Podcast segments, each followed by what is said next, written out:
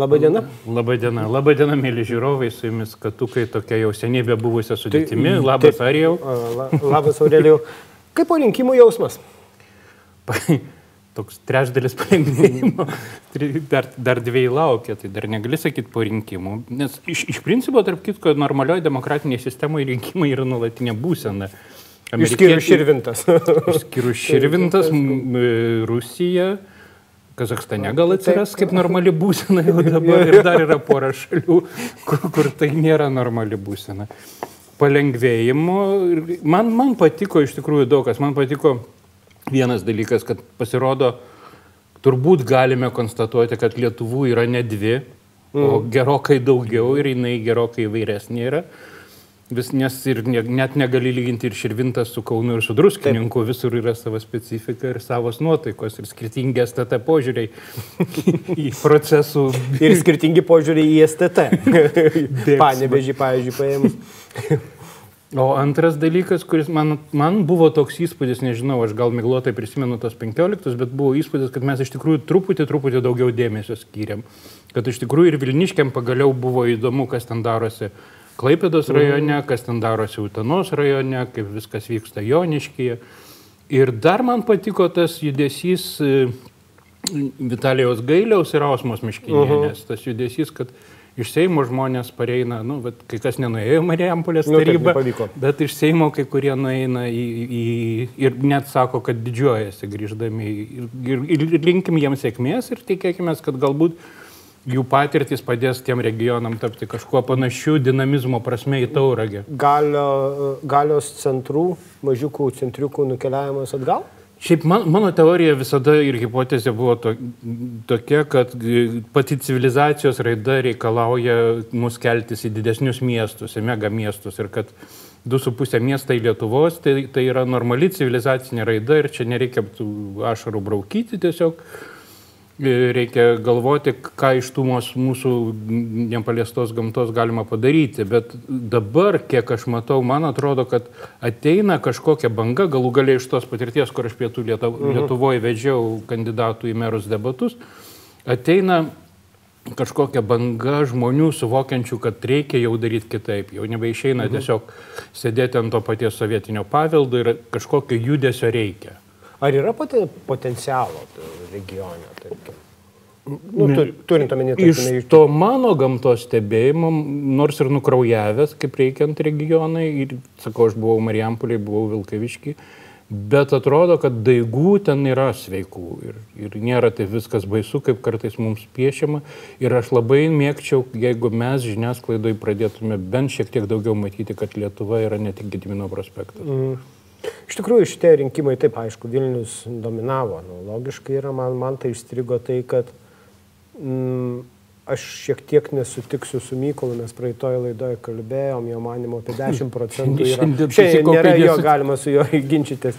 Um, kad uh, Facebookas yra apie 10 procentų. Aš manau, kad tendencijos tos, va, to Facebooko komunikacijos per šios rinkimus ko gero buvo, nu taip, taip ir logiška turėjo ko gero būti stipriausia ir tai ir matėsi labai, nes aktyvumas socialinėje erdvėje buvo, na, iš, iki išprotėjimo ko gero per, per, per Vilnius bent jau. Ir net iš rinkimus. tikrųjų aš tai toks buvau truputį santarokas ir Facebookas ir visur kitur, ir praktiškai net ir specialiai, nes man vietom pasidarė net keista, kaip žmonės galės paskui bendrauti, Nu, tai, kaip galės vienas su kitu sveikintis po to, ką, ką, ką Ką pasakė kitam pasakė. jo.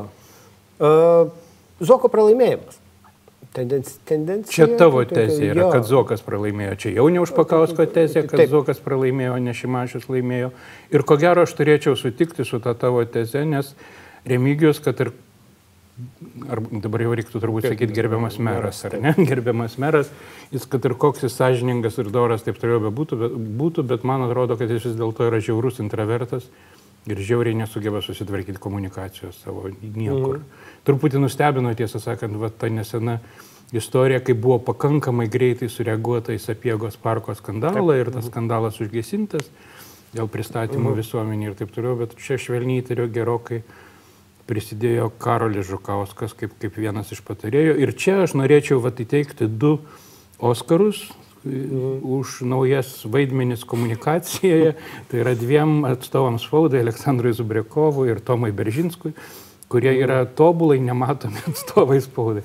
Ir tarsi turėtų būti pagal visą, čia, čia yra nauja tendencija pasaulio tradicijoje komunikacijos, nes, nu, kai pasižiūri tą vargšę Sarą, pavyzdžiui, Hakabi Sanders, kuri kasdien eina į krūviną priešų apsupti ir krūvinai grina, gina Donaldą Trumpą, bet jinai matoma kasdien ir kasdien jinai kariauja, nes jinai atstovė spaudai.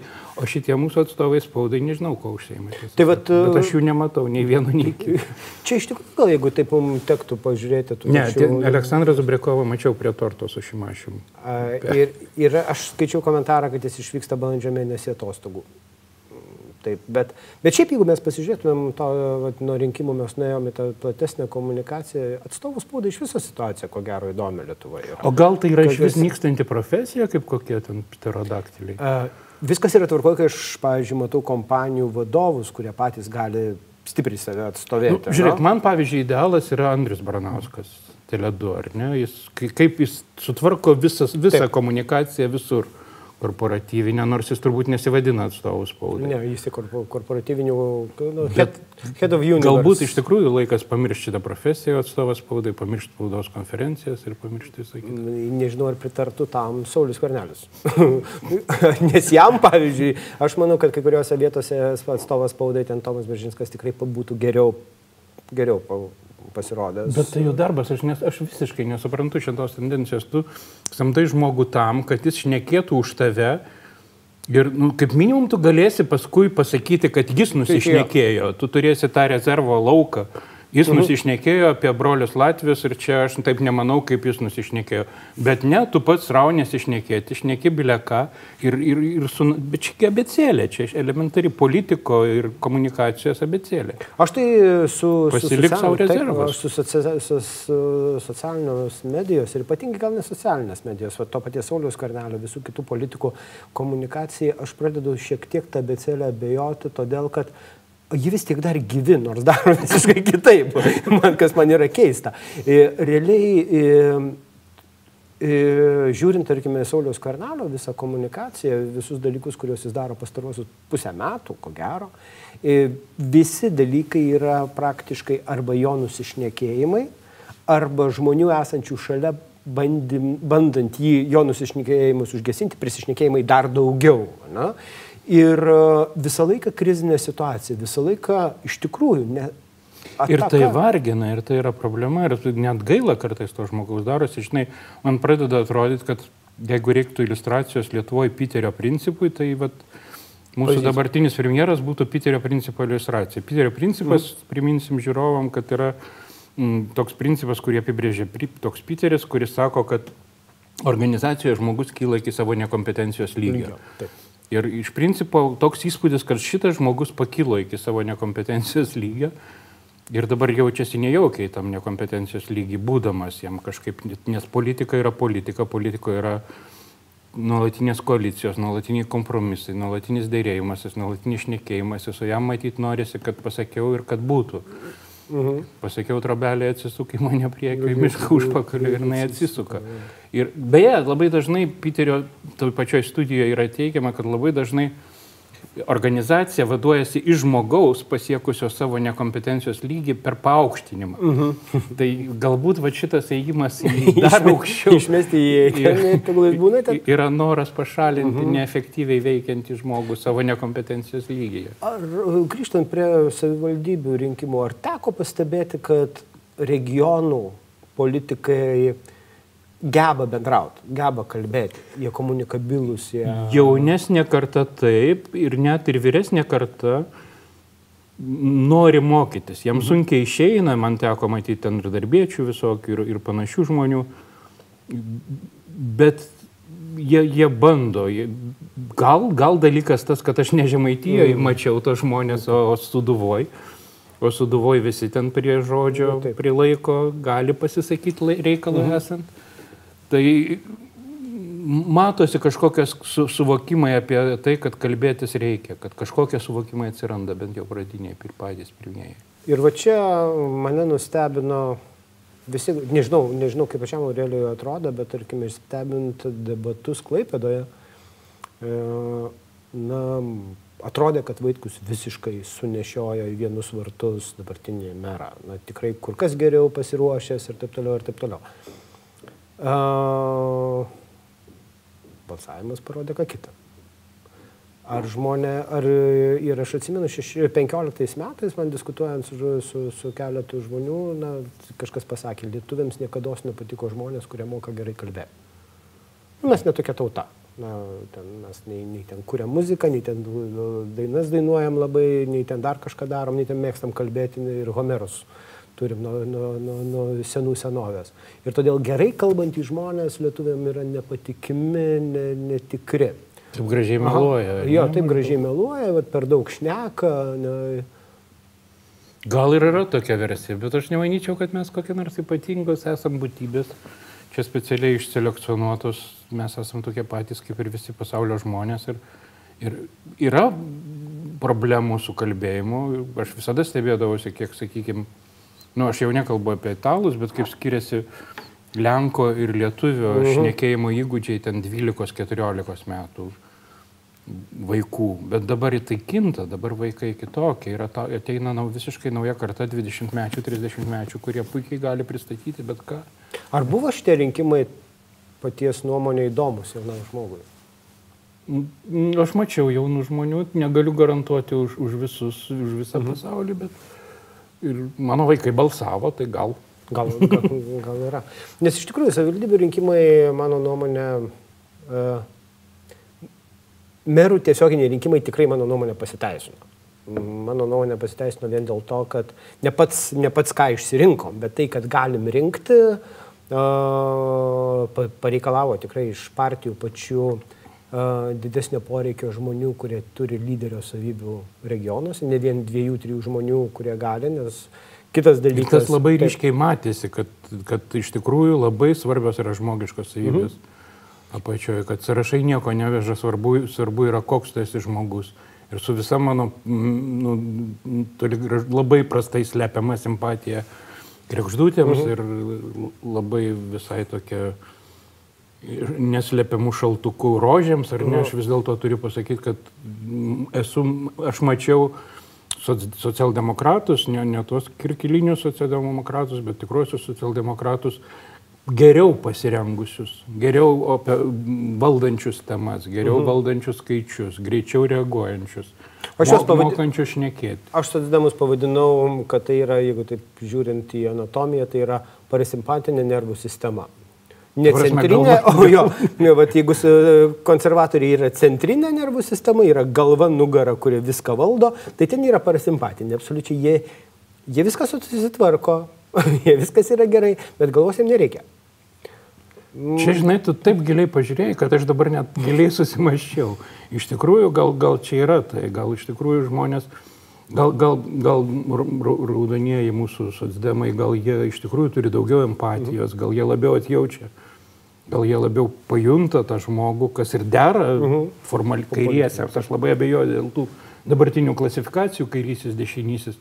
O galbūt ties, o mūsų gal vat, konservatoriai, gal jie sugeba toliau matyti ir toliau mąstyti. Jeigu būtų monarchija, gal jie Taip, būtų monarchistai. Ir gal, gal, ir būtų labai geras dalykas, nes iš tikrųjų socialdemokratai aš na, lenkiu galvą. Meras, kandidatas į merus patyrė sutriuškinimą, vadinkim daiktus savo vardais. Sotsdemai jo vedami išmesti iš savivaldybės Vilniaus mieste, faktiškai jų neliko. Kaune irgi. Kaune irgi, Kaune iš viso nieko neliko. ir, o regionuose, vat, regionuose jie faktiškai nunešė. Ir laimėti tokioje būsenoje. Kartu iš kitos pusės, kai na, tikrai veidai senieji socialdemokratų pasitraukė į tą socialdemokratų darbo partiją, mes matom, kad ten... E, Žinai, kas, neliko. kas man dabar dar džiugina iš viso šito, mes šiek tiek turim šitų radikalų kurie e, nori demontuoti Europos Sąjungą, kurie nori pasitraukti iš NATO, visokių rūšių turim bet kažkaip jie vis dar nėra labai ryškus ir, ir jie dabar bando vienytis ten mhm. skausmingai vis. Ir jiem galbūt tai ir nepavyks. Ir apie Europą galvodamas ir apie Europos artėjančius rinkimus aš galvoju, kad iš esmės vyks tas kairė dešinė galutinai nusitrins ir tai, ką vadiname tradicinomis institucinėmis mhm. partijomis, vis labiau artės ir tai, ką, kas turėjo būti kairiai ir dešiniai kraštutinėse pusėse irgi liesis kartu ir jų daugės ko gero, bet tas, tas takoskira, jinai bus nubriežta ne pagal menamą kairumą dešinumą. Man toks įspūdis, kad reikia labai iš esmės rimtai permastyti kairumo dešinumo mhm. savokas, nes rėžiai ir brėžiai dabar eina visai kitokiose vietose. Ir čia aš labai noriu, aš visai drąsiai čia reklamuosiu Mažvido Jastramskio kaip Taip. mokslinio redaktoriaus ir viso kolektyvo Ainės Ramonaitės ir kitų knygą apie rinkėjų elgseną. Tokių, vat, man, man labai patiko dar šitas aspektas, kad pagaliau atsiranda labai rimta moksliniais duomenimis pagrįsta refleksija uh -huh. apie tai, kaip elgesi lietuvis rinkėjas. Nespėjimais, ne kažkokiam uh -huh. nuojautom ar kažkokiais ten įsivaizdavimais, bet mes turim pagaliau, va tik dabar Medžiag, atsiranda taip. mokslas. Jeigu aš gerai prisimenu, prieš tai buvo studija 12. Ir taip, dabar turim studiją. Iš tikrųjų, galbūt sunku, sunku skaityti giliai nesidomint, tarkime, politiką, politinę komunikaciją. Mm, čia kalbėjomės vėlgi su Mykolo praeitą kartą. E, taptų puikia puikia knyga. Bet tai, yra, tai taip, reflektavimo taip, pats taip, atsiradimas jau yra didžiulė labai, vertybė. Labai daug, labai daug dalykų parodo apie mus pačius ir aš, aš visiems pasakoju savo, aš balsuoju Grigiškėse ir sakau, va, ta istorija man, man pati jokingiausia, kai stovi prie sąrašų pirmam turė močiutė ir senukas, su, lietuviškai su lenkišku akcentu, senukas po kokios minutės stovėjimo pasako, keiksmažodį iš B raidės ir sako, tai už ką balsuot. Ir tu staiga supranti, kad netgi tokiuose vietose, kur visą laiką jie žinojo, už ką balsuoti, ten, ten liberalais, konservatoriais rinkdavo keliasdešimt balsų daug dievė per rinkimus, atsiranda kažkoks visai kitoks, kitok, kitokia atmosfera, kitoks, kitoks išsidalinimas, tos pačios netgi ten, gelt, raudoni, mėlyni ir dar kažkas jie jie pabėgę kažkur yra, taip labai daug e, per šios rinkimus visi išnekėjo apie pavardės. Netgi aš girdėjau ne vieną kartą Landsbergio partiją ir taip toliau ir taip toliau, ir kurie, na, iš vienos pusės gal ir pavojingai atrodo. Lietuvoje kitaip nebus, nes ideologinių ten tų niuansų dabar jau niekas nebeskiria visiškai. Bet tai man smagu dėl to, kad spaudimas tiem lyderiam arba tiem tų partijų lyderiam vis didės, nes nuo jų labai daug kas priklauso. Kartu, pavyzdžiui, socialdemokratai prieš Europarlamento ir prezidento rinkimus, mano nuomonė, nežinau kaip, kaip pats Aurelė jau manai, parodės, kaip suskali susiaktyvuoti. Ir aš jį dabar žiūrėjau. Tai jau pirmieji žingsniai matosi, jau tai, kad Andriukaitis aplenkė Jozaitį, jau matosi mobilizacijos. Dabar... Kaip, kaip Arkadijos Vinokūras rašo Delfiuose, 17 tūkstančių partija taip paprastai taip, neišgaruoja. Ne, Ir aš jau dabar žiūrėčiau rimtai skvernelio vietoje į Andriukaitį, nes tai yra rimtas žmogus, kuris gali atimti labai daug balsų. Aš iš vis pradedu bijoti, kad antras turas bus, nežinau, ar čia reikia sakyti bijoti. Bet kad bus šimonytė prieš nausėdą antras turas. Man. Mhm. Čia iš mano patirčių visokiose viešuosiuose įstaigose, pavyzdžiui, ligoninėse besėdint, ten tokios mučiutės 70 plus, jos šnekasi, aš klausausi, tai mhm. jos labai rimtai aptarinėjo, kad koks gražus nausėda yra. Ir, mhm. ir kad skvernelis tai gėda daro. Čia mhm. realiai 70 metės senutės aptarinėja. Čia ne, ne kai kas šneka prie rinkimų nu, taip, dėžės. Taip, taip, taip, taip. Čia, čia liaudės balsas. Šnekėdamėsi taip. Nes iš tikrųjų, na, gerbėmieji, ne, ne, ten būna visą laiką pas mus keletas komentatorių, kurie mano, kad mes apie skarnelį blogai išnekam dėl to, kad tiesiog taip norim. Ne, kai jo komunikacija, jo paskutiniai žingsniai ir tai, ka, kaip nausėda aiškiai suvokęs, kad geriau nieko nedaryti ir laukti, kol visi kiti prisidarys ir jo reitingai auga, jis sėkmingai laikosi savo strategijos. Ir jis tikrai artėja prie, prie, prie to, kad bus šimonytė Šimonytė netakuojama visiškai, aš nematau iš skvernelio netgi pusės rimtos atakos. Aš suprantu logiką šito jo sprendimo, kad jis, e, jis įsivaizduoja arba jo strategai įsivaizduoja, kad Šimonytę atakuoti tai reiškia ją pakilėti, mhm. ar ne, o iš tikrųjų tai yra atvirkščiai. Taip. Taip ir, ir vat, mes praeitoje laidoje su, su Mykolu kalbėjom būtent dėl skvernelio pasirinktos strategijos atakuoti prezidentą. Mhm Ir aš, aš kažkaip tai manau, kad na, jam reikėjo, vis tiek jam reikėjo turėti priešą, jam reikėjo kažką turėti, kažką atakuoti, savęs atakuoti negali. Šiaip tai yra, aš, aš jau nekartą esu čia mūsų laidose irgi sakęs ir visom kitom progom sakęs, kad tai yra pats paprasčiausias labiausiai cost effective, labiausiai e, greit atsiperkantis būdas e, mobilizuoti savo auditoriją yra surasti priešą. Čia yra labai paprasta, tik tai, kad jis priešus tokius keistus renkasi. Bet ar jis turi kitą priešą? Ar jis turi kitą priešą? Ar iš tikrųjų tai ir parodė šitie rinkimai, kad startuoti prezidento rinkimuose į šitą į, iš premjero vietos iš tikrųjų yra kur kas. Iš valdžios vietos. Taip, iš valdžios vietos, kur kas sudėtingiau. Iš principo taip, tai yra labai sudėtinga. Čia yra drąsu ir čia yra sudėtingas uždavinys, nes tu nešiesi, tu atsakomybės naštą nešiesi, jau nekalbant apie visas dviprasmybės, kurių uh -huh. tu mhm. čia pripainioji ir primesgi. Bet iš principo tu eini jau kaip inkumbentas, uh -huh. kaip mhm. turintis valdžią kas yra visada sunkiau, visada sunkiau atlaikyti, atremti. Ir už tai jau tokia paini, jų paini tokia strategija. Aš, tokia šizofreniška. Ir kai, kai man teko kelis kartus kalbėti, kad iš tikrųjų Saulis Karnelis gaus labai daug uh, dėmesio būtent kaip premjeras, administracinio resurso panaudojimas ir panašiai. Aš visą laiką sakiau, gauna, kad... Bet taip, neigiamo. Taip, bet būtent neigiamo, nes iš tikrųjų jis neturi ką atakuoti faktiškai, jį visi atakuoja, tai iš vienos pusės jis gauna daug dėmesio, bet tas dėmesys yra neigiamas. Geriau jau kartais gauti mažiau, bet teigiamo arba, arba atsistoti visiškai šalia ir grįžtant prie nausėdos, irgi man teko girdėti vieną pokalbį žmonių, sakė toks aukštas, gražus toks prezidentiškas.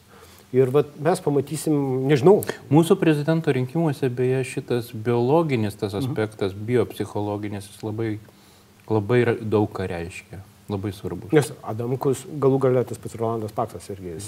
Brazauskas. Taip, Brazauskas visi. Uola, vyras Uola, taip. su jo saugu. Ir vat, tai, Dalia Grybauskaitė tuo metu mama irgi, kuri viską žino, kur kas padėta, kada galima saldainius valgyti, kada ne. Nu, pažiūrėsim. Dabar šveik, šveiko cituoti, mm. aišku, dabar negalima, nes bus agitacija. bet, bet dar niekada taip nebuvo, kad ko nors nebūtų. Visada Euro, kažkas būtų. Europarlamento rinkimai. Ar nors girdėjai apie tai? Girdėjau, nes specialiai domėjosi, nes, nu, pasirašiau, nuėjau, pasirašiau mm. už visus, kas ten man patiko, ne už vienas, ar už kosmonautus mm. tik nepasirašinėjau visiškai. Mm bet labai vangiai renkami tie parašai ir jeigu jie nebūtų su prezidento rinkimais, tai aš taip įsivaizduoju, niekas net nepastebėtų. Ir čia aš matau problemikę. Matau problemikę dėl to, kad Europos parlament, mes visą laiką eina tas pranešimas apie tai, mes irgi apie tai užnekėjom, kad ten jie nieko nedaro ir gerai uždirba. Ir tik tai ta eina žinia ir, ir, ir vis tiek mes siunčiam labai ramiai į ten, kaip į dramblių kapinės politikus tarsi į pensiją, mhm. kurie nei ten įgalus ką padaryti, nei ten jie reikalingi, nes ten reikia siūsti jaunus iš tikrųjų žmonės, kad jie mokytųsi. Ir, ir ta proga, beje, apie šitą galvodamas, aš pagalvojau kitą dalyką. Aš čia irgi šitoje studijoje kažkada žvėgiau, kad partijos nesukuria socialinių liftų ir neprisijaugina uh mhm.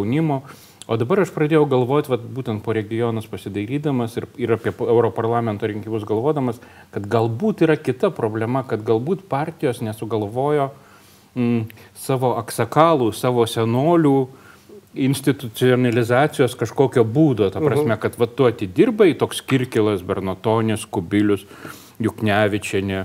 Nu, dagi, tiesiog į pensiją reikia Taip. išleisti, bet, bet, bet Kubilius labai teisingai išeina į tas europinės mm. struktūras, kad jie išeitų kažkokius, nu, kaip Kissingeris, kaip, Taip. kaip Žezinskis, į kažkokius mąstymo institutus, kur jie būtų konsilieriai ir jiem tiesiog už tą jų visą patirtį, už tos jų visus nuopilnus tiesiog būtų mokamas atlyginimas ir kartais atbėga koks jauniklis pasiklausęs kartą mėnesį patarimo ir jis jau jaučiasi, visi jaučiasi gerai dėl to ir taip atsikimštų tie socialiniai liftai. Galbūt čia buvo problema, kad mes nesukūrėm tokio instituto, politiniam senoliam palydėti į... Bet, bet tai nieko nėra naujo. O dabar, kadangi kai pradėjai pasakoti Aurelio apie tai, aš atsimenu, dabar neatsimenu, kuri kompanija JAF yra padariusi tą patį, kad buvę CEO... Tampa turi kažkokią redakcinę kolegiją. Netgi turi savo kabinetus. Jie gali kada nori ateiti į darbą Taip, jie netgi turi pareigų, jie tie kažkiek tai laiko turi e, susirinkti, visi peržiūrėti kažkokias tai ataskaitas, surūkyti cigarą, kas gali rūkyti ir taip toliau, ir išgerti viską. Kas dar gali, kas dar gali rūkyti jo. Bet jie nepaleidžia tų, tų žmonių, jie jiems duoda prasme toliau, jie gauna Nes, naudą. A, tu nenori, kad tavo patirtis nueitų pas konkurentus ir B, mhm. tu juos vis tiek. Jie vis tiek turi patirtį. Jie vis tik turi patirtį, nes dabar, dabar va, per šios rinkimus beje labai įdomus kampas.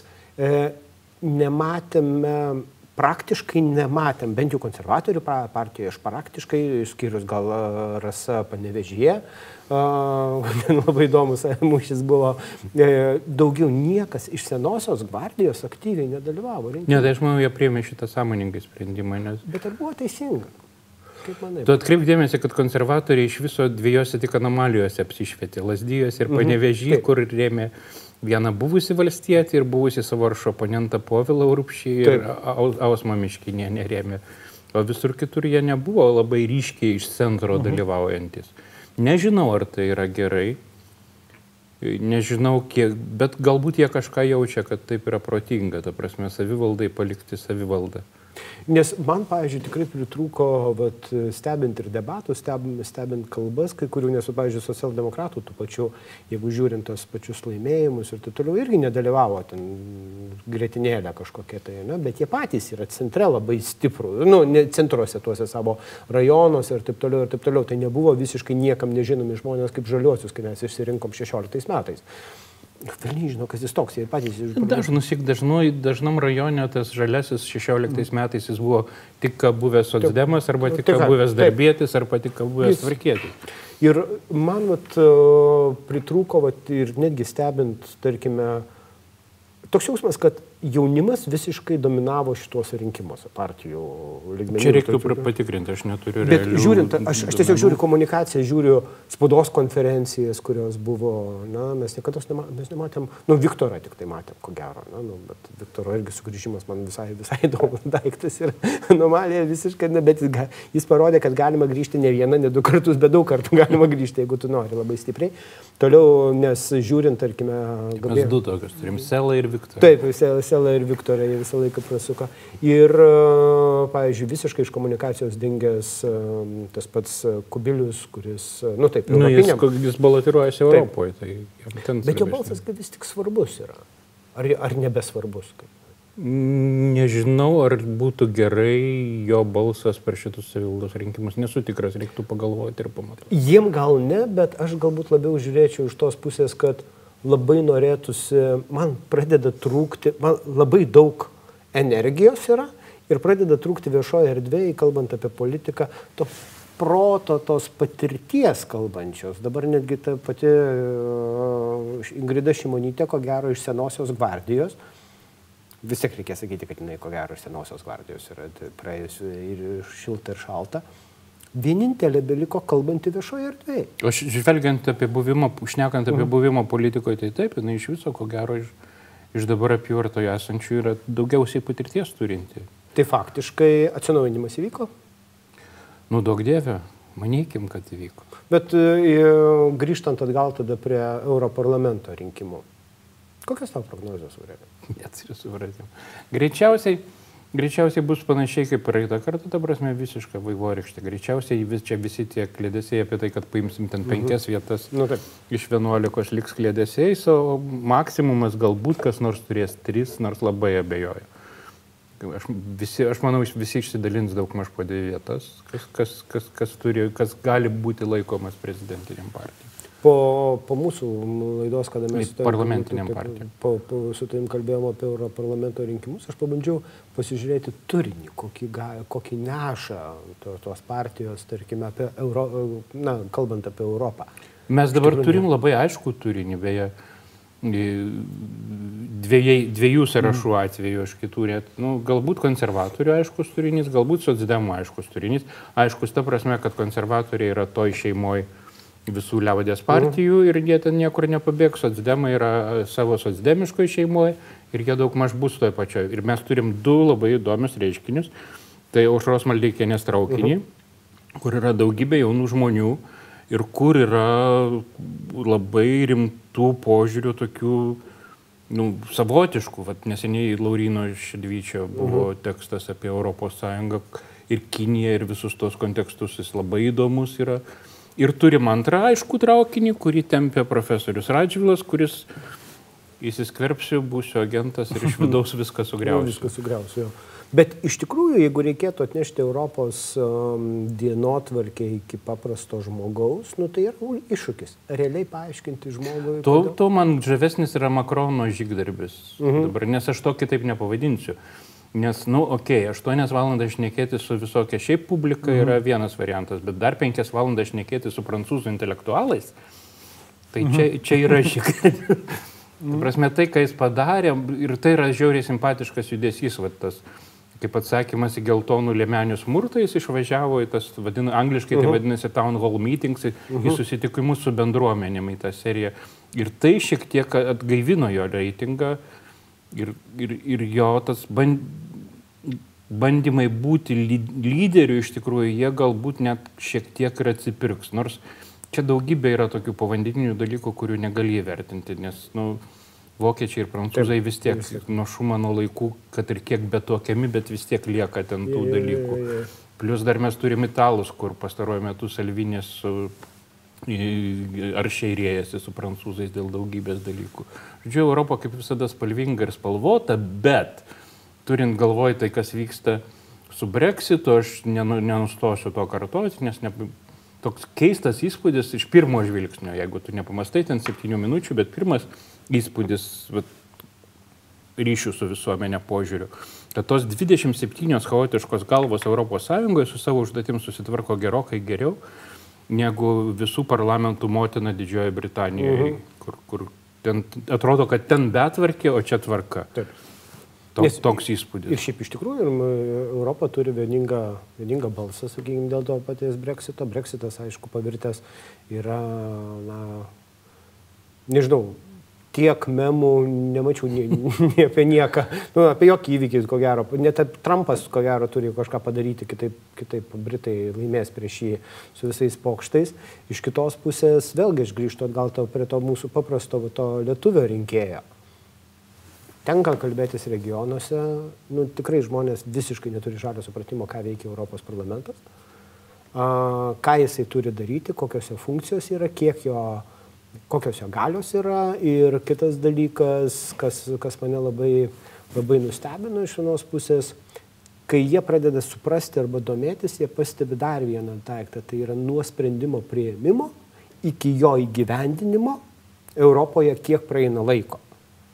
Ten ne vieneri, ne dviejai metai, kad kažkoks būtų, tai tiesiog per lietai, per toli, per mažai suprantama ir aš eisiu į rinkimus, jeigu dėl daugelio priežasčių, jeigu bus geras oras, jeigu neturėsiu ką veikti, jeigu da, dar kas nors, bet motivacijos, kaip, pavyzdžiui, prezidento rinkimuose, savivaldos rinkimuose, Europa ne- mums ne- ne- nerūpi. nėra. Tai ar, ar vyresnysis Landsbergis atvil, atvilko mus į Europą, nors iš tikrųjų mes taip ir likom kaip, kaip su krikščionybė savo laikais. Na, Santykis toks dviprasmiškas. dviprasmiškas, jo, jūs mes lyg ir krikščionis, bet, nu, kai reikia, tai mes uh, šventės tas balas. Pizių pri- pizių prisimena. Tai taip pat ir su Europą. Taip, jo, jo, jo. Žalčius maitina kai kas. Jo, ir tas pats toks mes, nes niekaip patys neateiname į Europą, bet iš tikrųjų, va, teko šnekėtis, manęs paklausė, tai kodėl aš turėčiau va, balsuoti, Ei, kodėl, kodėl man turėtų rūpėti, kas sėdi iš mūsų Europarlamente, kai iš ten mes esam. Bet iš tikrųjų ir čia atsimeni mūsų pirmasis šnikas apie reakcijos greitį ir apie dirgiklį ir apie reagavimus į dirgiklius. Čia iš tikrųjų ir turint galvoje šio laikinio gyvenimo tempą, kai žmonės turi reaguoti beprotiškai greitai į dirgiklius. Ir kai ten sprendimų prieimimas nuo įvykio praeina, nu kaip dinozaurui, reiškia, įspyrė už pakalinę koją stegozaurui, tai per metus nueina iki smegenų, tada jis po metų atsigrėžia pasižiūrėti, kas jam įspyrė už pakalinę koją. Tai va dabar kažkas pradeda, čia, čia beje metafora kalbant apie tai, kaip Europos e, galvos pradeda reaguoti į populistų Taip. tokį dygimą, brendimą ir augimą. O tik dabar dinozauras pajuto, kad čia kažkas vyksta, kažkas Taip. baigia nugraužti koją. Ir galima mhm. atsisukti ir pasižiūrėti. Ir, ir va tas kontrastas tarp to, kaip žmogaus reikalaujama reaguoti dabar ir kiek ta mašina yra iš tikrųjų tokia, nu kaip pasakyti, nepaslanki, ne, ne, ne, nelanksti. Galbūt čia, čia yra tas problema, kodėl tai visiems vienodai rodo. Galbūt mes, mes nesuvokiam iš tikrųjų, nes taip reikia atitinkamą išsilavinimą suvokti, kad ten gali komis, užprotestuoti komisijos pirmininko skirimą, kad taip jau kuris laikas kaip biudžetą tarybos, mhm. Europos mhm. Sąjungos gali vienai par kitaip paveikti Europarlamentas. Ta, ta, tam reikia specialių žinių šiokių tokių. Ar įmanoma ir ar reikia iš viso žmonėm aiškinti, kaip, kaip manai pats surėlė iš to? O tu pažiūrėk Junktinės valstijas. Čia kita Europos Sąjunga kažkada buvo, mm -hmm. buvo ta sena Vašingtono svajonė, kad būtų, iš esmės jie modeliavo Junktinės Amerikos valstijas yes. kaip svajodami apie Junktinės mm -hmm. Europos valstijas. Tai veikia, ten ta veikia federalinė sistema kažkaip ir valstijos turi pakankamą autonomiją, bet ten yra vienas pinigas, mes irgi turim šiek tiek vieną pinigą. Ir ten yra viena kalba iš esmės, o čia, čia mes turim. Žodžiu, mhm. viskas, ką aš galiu dabar pasakyti pakankamai apibrieštai, tai yra e, tai, kad tokio neapibrieštumo laikais mes dar negyvename. Bet, ir, aš... ir tu pažiūrėk, vat, neturėsime laiko mhm. aptarti visko, kas darosi pasaulyje per šitas dienas, bet e, yra tiek karštų taškų, dabar pradedant nuo Indijos ir Pakistano, baigiant sprogimais elektrinės, uh mhm. -huh. Venezuelos, Nursultano Nazarbaevo atsistatydinimais, e, kad mes jau beveik pamiršom, kad yra dar tokia Sirija. Taip, kad nebeštikau apie. Ten turkai kažką galvoja Sirijoje daryti. Mes pamiršom, kad dar kažkokie likučiai islamų valstybės yra, ar jos jau nebėra, nors Trumpas sakė jau penkis kartus ją nugalėjęs, bet kažkas tai ten dar yra Irako teritorijoje, kažkas vyksta Afrikoje. Yra daugybė kraštų taškų, kurių mes nei matome, nei suvokiame, nei pajėgiame apriepti. Ir, ir, ir tai ir baugina, ir, ir verčia truputį taip apsigaupti kokonu. Ir ką pirmiausiai verčia padaryti, tai pamiršti savo visą žiniškumą ir, ir, net ir ekspertams, nekalbant jau apie mūdų su tavim, pasakyti, kad nu, mes tikrai galim tik stebėti ir ad hoc šiek tiek komentuoti. Bet... Nes iš tikrųjų, va čia pačiai pabaigai, ko gero, Naujojo Zelandija ir, ir įvykiai Naujojo Zelandijoje labai parodė vieną labai, įdomų, vieną labai įdomią tendenciją, tai kai didėjai interneto milžinai, nežinau, didėjai milžinai skamba labai įdomiai, bet e, jie buvo priversti reaguoti dėl medžiagos tam tikros viešinimo. Bet, ne viskas pavyko. Ir bet pavyko. kalbant prie melžinų ar dreną, ne? Mhm. Ž, ž, Naujosios Zelandijos ministrės pirmininkės laikysena, aš norėčiau čia sukirčiuoti, ką gali vienas politikas Pasaulyje. su realia empatija, realiai atjausdamas, realiai nuoširdžiai būdamas su žmonėmis, uh, Ir, ir aš ypač sukirčiuočiau tą jos kalbą, kas šiais visuotinio žinomumo, visuotinio skaidrumo ir visuotinio sklaidos laikais yra svarbu, kad šitoj mūsų žemėje šitas žudikas vardo neturės. Ir jie laikosi mhm. to, nėra jo vardo niekur, nei vardo, nei veido jo nėra. Ir kas svarbiausia, tai buvo absoliučiai kalba, kuri, mm, sakoma, žmogaus, ne politiko, ne šalies vadovo žmogus, kuris iš tikrųjų gavo, gavo vietą, gavo pareigas atstovauti ir atstovauja. Ir čia, kad iš kažkada, kažkurioje laidoje mes su tavim šnekėjom, kad tas vat, nuoširdumas yra naujas, naujas tas New Black, realiai, ko aš pasigendu iš mūsų politikų šiek tiek. To nuoširdumo, tiesiog nuoširdumo. Ne, neprovokuok manęs, nes mes šitoj pareisim prie dviejų plakatų su besišypšinčiais premjerai ir prie viso kito kartono, kuris čia kūriamas aplinkui. Mes dar pašnekėsim apie tai kitose laidose ir ačiū Aureliu. Ačiū. Malonu pašnekėti. Registruokitės, rašykite. Jūs prisimenat, ką reikia daryti. Ten tie raudoni varpeliai, visi prenumeruojam ir taip toliau. Taip, lauksim jūsų komentarų, klausimų. Iki. Iki pasimatymų.